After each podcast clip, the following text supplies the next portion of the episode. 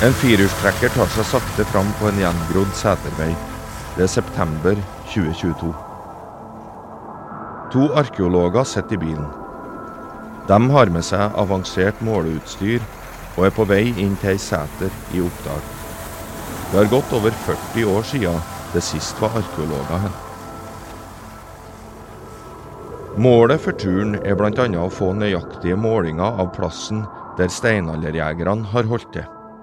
Informasjonen skal lagres for ettertida i en nasjonal database.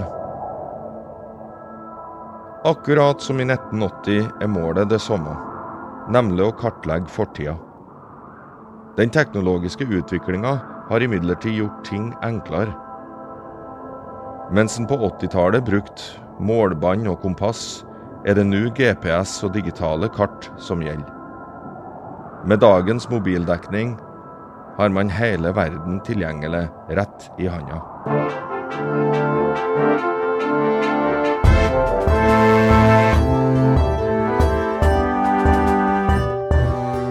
Du hører historiske skildringer fra Trøndelag. En serie i åtte deler fra Trøndelag fylkeskommune.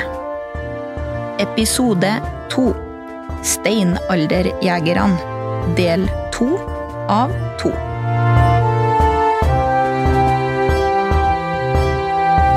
Men det er vanskelig å finne igjen buplassene som ble funnet i 1980.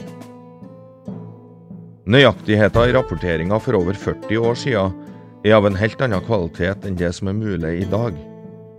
Læl klarer arkeologene å dokumentere det de er en for. Skissene fra 80-tallet som er tegna inn i stor målestokk, registreres nå digitalt med centimeters presisjon. Således blir kunnskapen lett å finne for dem som vil hente den fram en gang i framtida. Datidas og nutidas samfunn har mange likheter. Jegerne for tusenvis av år siden hadde de samme basisbehovene som vi har i dag. Mat, ly, varme og tilhørighet.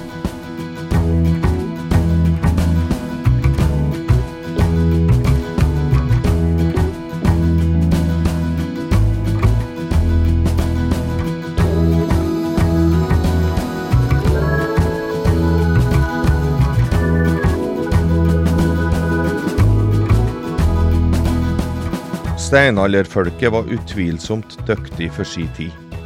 Det ser vi bl.a. på redskapene de laga av flint. Sånt arbeid krever avansert håndverk, og mye av dem som utfører det. Menneskene som levde i steinalderen, brukte òg flint for å lage ild. Den kom hit til Norge fastfrosset i drivis med havstrømmene. Det hendte òg at steinaldermenneskene skaffa seg flint gjennom byttehandel.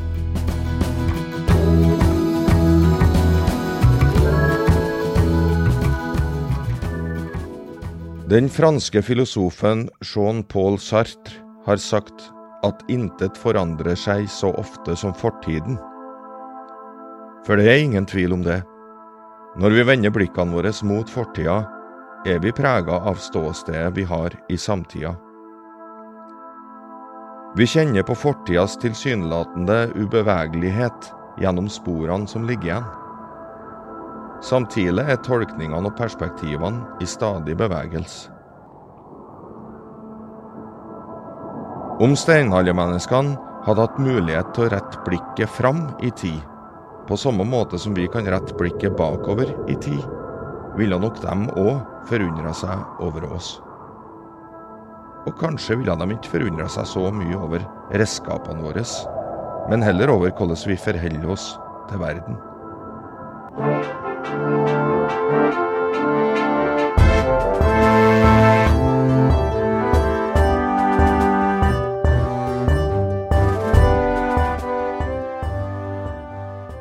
Da hopper vi til eh, nåtida, og med oss her har vi Anne Haug og David Berg Tøddenheim, som begge jobber ved seksjon kulturminner i Trøndelag fylkeskommune.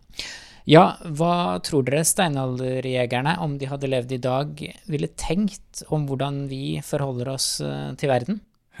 Ja, ja det er et, eh, et, stort spørsmål. Uh, egentlig helt umulig å svare på, men uh, noe som den introen tar tak i, det er jo det engasjementet vi har med teknologier.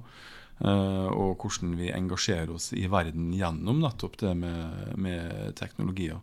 Og den verden som vi står i, vil nok være ganske ubegripelig eh, sett ifra en person fra steinalderen, steinalderen, som vi ser tilbake på. Eh, så må det sies igjen da, at vi forstår jo da steinalderens folk gjennom våre perspektiver og våre teknologier. Uh, og dermed så, så, kjenner man uh, Jeg kjenner i hvert fall på det sjøl. Uh, det at du har både en nærhet og en fjernhet som skapes gjennom disse mulighetene vi har gjennom teknologi, bl.a.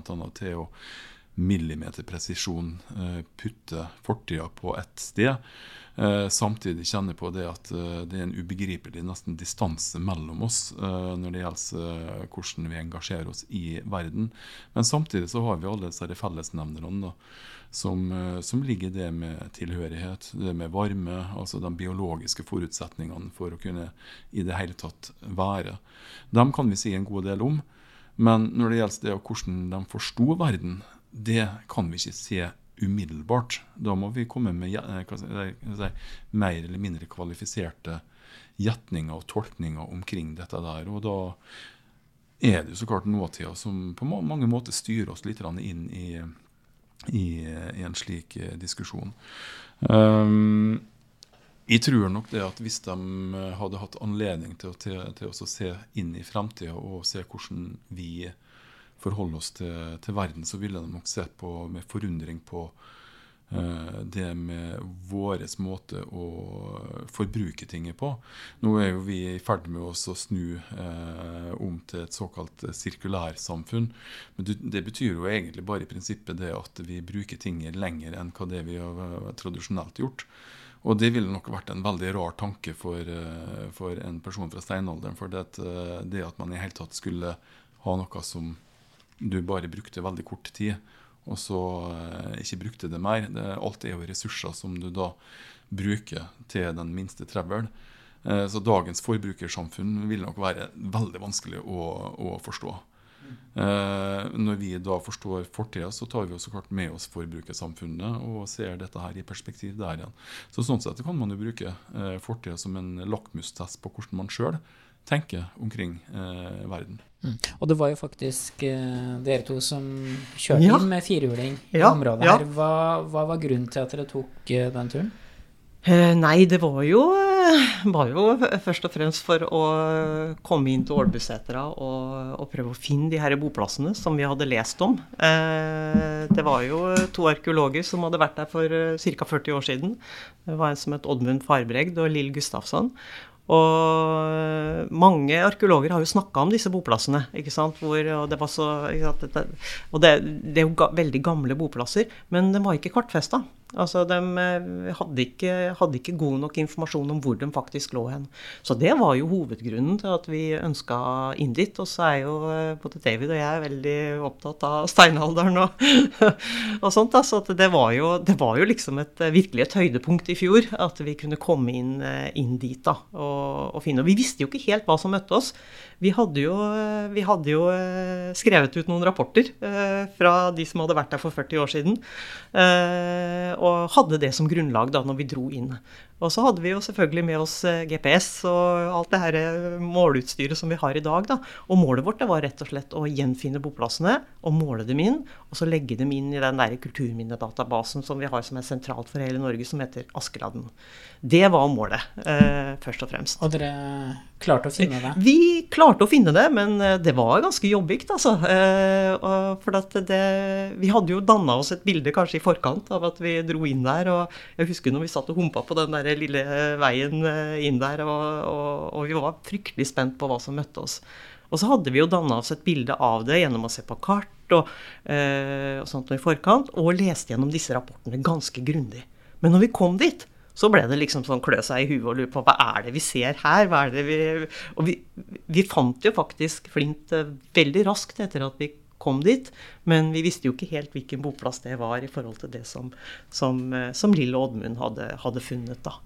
Mm. Så nei, det var, det var veldig spennende, altså. Mm. Eh, fantastisk eh, flott helg. Og vi, fant, vi klarte jo å gjenfinne boplassene sånn eh, grovt sett, eh, og fikk målt dem inn. Og så fant vi også noe nytt. Vi fant jo også boplasser som, eh, som, eh, som ikke Lill og Oddmund hadde funnet. Ja. Så det var jo også litt artig. For vi gikk jo da litt rundt og bevega oss i terrenget. Men når dere drar på en sånn tur, da har dere liksom et sånn spesifikt mål om å finne noe? Eller som du sier, dere gikk og leita litt rundt, men dere veit vel kanskje hvor dere skal leite òg? Ja, vi gjør jo det. Jeg vet ikke hva du vil si noe om det, David? ja, jeg kan jo si litt om bakgrunnen for akkurat den undersøkelsen der. For dette var jo ikke en såkalt tiltaksundersøkelse som vi vanligvis jobber med. Eh, dette var en skjøtselsundersøkelse. Og målsettinga vår når vi dro opp der, det var også å foreta en innmåling av lokaliteten, slik at den kan gå inn i den nasjonale databasen Askelodden. Eh, der er det en publikumsversjon eh, som heter kulturminnesøk.no. Eh, som speiler det som blir lasta inn i Askelodden. Men i kulturminnevernet, kulturminnevernet så er det jo Askelodden som er den viktigste databasen. Og Ålbusetra den glimrer med sitt fravær. For geometrien til den uh, lokaliteten var ikke god nok uh, til at den kunne puttes rett inn. Det stilles en del krav til at uh, geometrien skal være god. For dette, det legges jo juridiske begrensninger på grunneier når slikt, en slik lokalitet lastes inn. Så dermed så satte vi oss opp i firehjulstrekkeren og dura inn for å få tatt inn disse målene der og få inn lokaliteten. Og så er det en veldig viktig lokalitet eh, i en eh, midtnorsk sammenheng. For dette her er en av de tidligste boplassene som vi har inne i, i området. Så de fortjener absolutt også å være tilgjengelige eh, i databasene. Men ser man bort fra Tussel, så har Askelodden og spesielt da Kulturminnesøk en annen veldig viktig funksjon. Og det er jo den interesserte fjellgåer. De har jo da muligheten til å ha med seg verden på telefonen. Og også se på fortida eh, gjennom å bruke eh, kulturminner til å se disse sporene som er etter fortida. Og det er en veldig viktig del av, eh, av den jobben vi også gjør. Det som går på formidlinga av fortida. Og eh, hvis man tar seg en tur inn til Ålbusetra, så får man jo oppleve et veldig fortidig landskap. Én eh, ting er disse rabbene med sporene etter de aller tidligste jegerne som, eh, som, har faktisk vært i landet, som da fremdeles er synlige. Det er, det er et spektakulært eh, syn i seg sjøl. Men det er andre spor som også vitner om lik aktivitet. Altså Jakta har jo foregått fra den eldre steinalderen frem til i dag. Eh, hadde vi vært oppe der eh, nå helt frem til reinsjakta slutta, så kunne vi jo sånn sett ha hatt en opplevelse av en eh, kontinuerlig tradisjon som starta da isen trakk seg tilbake frem til i dag. I samme område så er det store fangstgroper som er fra jernalderen, som også ligger der nå. Så du har en, en veldig stor temporalitet, hvis du skal bruke et sånt uttrykk, i området der som Bruker man litt tid, så får du den opplevelsen der, og den kan være veldig sterk. Men da har du jo det verktøyet. Og, og, hvem som helst kan gå opp her og, og betrakte det her, da? Ja. Det kan du så lenge du bare ser og ikke rører. Altså, dette er som Anne sier, automatisk freda kulturminner, og de skal tas vare på uh, inn i framtida til, til, nye generasjoner. Så de skal jo ikke utsettes for uh, belastning, men de kan oppleves i aller høyeste grad. Uh, og det er jo en rikdom å kunne være nettopp ute i et sånt område. Og ikke bare se naturen slik som den er foran deg, men også kjenne på tidsdybde i, i landskapet. For det at uh, når du da ser disse sporene der, så vil du nettopp få dette aksene med tid og rom ganske så tydelig på det. At her har det, dette har vært et attraktivt landskap i mange, mange tusen år. Mm. Mm. Ja, og det er også sånn at altså, de her steinalderboplassene eh, altså, eh, steinalderboplasser og, og fangstgroper ligger på en måte i samme område. Eh, sånn at de altså det har vel kanskje Men det sier jo noe om kontinuiteten igjen, da, som, som, som David snakker om. Uh, og det å oppleve de her, de her kulturminnene i landskapet, da, det er jo kjempespennende. Og det fi, uh, det ligger jo, som jeg sa, det, det, ligger jo flint helt opp i dagen. Altså Du kan faktisk uh, se det med det blotte øyet hvis du er litt sånn trena på hvordan flint ser ut. da. Så, så, kan du jo altså, du kan jo ta opp den flinten og se på den, eller se på den der han ligger. Eh, men du skal ikke ta med deg noen ting, for det er jo faktisk et automatisk freda kulturminne. Men du kan faktisk gå og oppleve eh, dette her. Hva er det mest spennende, etter din mening, å komme inn i et sånt område som det her, der du veit det sannsynligvis er noe forhistorisk, mm. men du veit ikke hva det er? Ja, det er jo på en måte den, den spenningen da, eh, som ligger der, eh, i å på en måte utforske landskapet og, og prøve å finne. Eh, og, og, det med gjenkjennelse. Altså selvfølgelig, Jeg har jo med meg litt bagasje når jeg, når jeg kommer inn i et sånt område som f.eks. Ålbusetra, som vi har snakka om, eh, hvor jeg veit at det er steinalderboplasser. Og da jo jeg, har jo jeg antennene på i forhold til det med en gang. Eh, og, og den derre der jubelen når du faktisk finner noen ting. Eh, og jeg kan jo huske når vi spratt ut av, den, av denne firehjulstrekkeren vår da, og hadde kommet opp til det området, og, og, rett ut. Og jeg gikk rett bort til et sånt område hvor det var en del sånn Det lå, lå liksom litt åpent til landskapet. Og det første jeg finner, det er en stor flintflekke. Uh, og ikke sant, da tar det, altså, ser den, og den er det noen som faktisk har, har lagt fra seg eller mista for mange mange tusen år siden. Og ikke sant, den der gjenkjennelsen at dette her faktisk er folk som var akkurat som meg, men de hadde litt andre referanser og, og gjorde litt andre ting. Hva eh, tenkte du da, da, når du hadde den flintsteinen? Ja, nei, det er en sånn gjenkjennelse, egentlig. Liksom, eh, og det er det som vi snakka om litt, at det er tilknytningen til, altså, til, til, folk før deg. Uh, og du får den der gjenkjennelsen, ikke sant. Den er så, den er så sterk, da.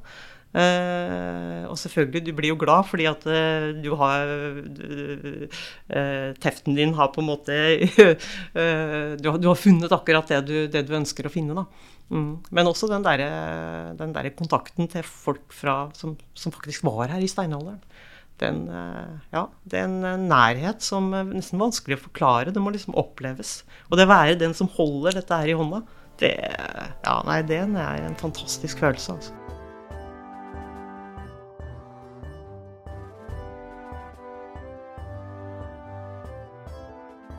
Du har hørt historiske skildringer fra Trøndelag, utarbeida av Håvard Seiner.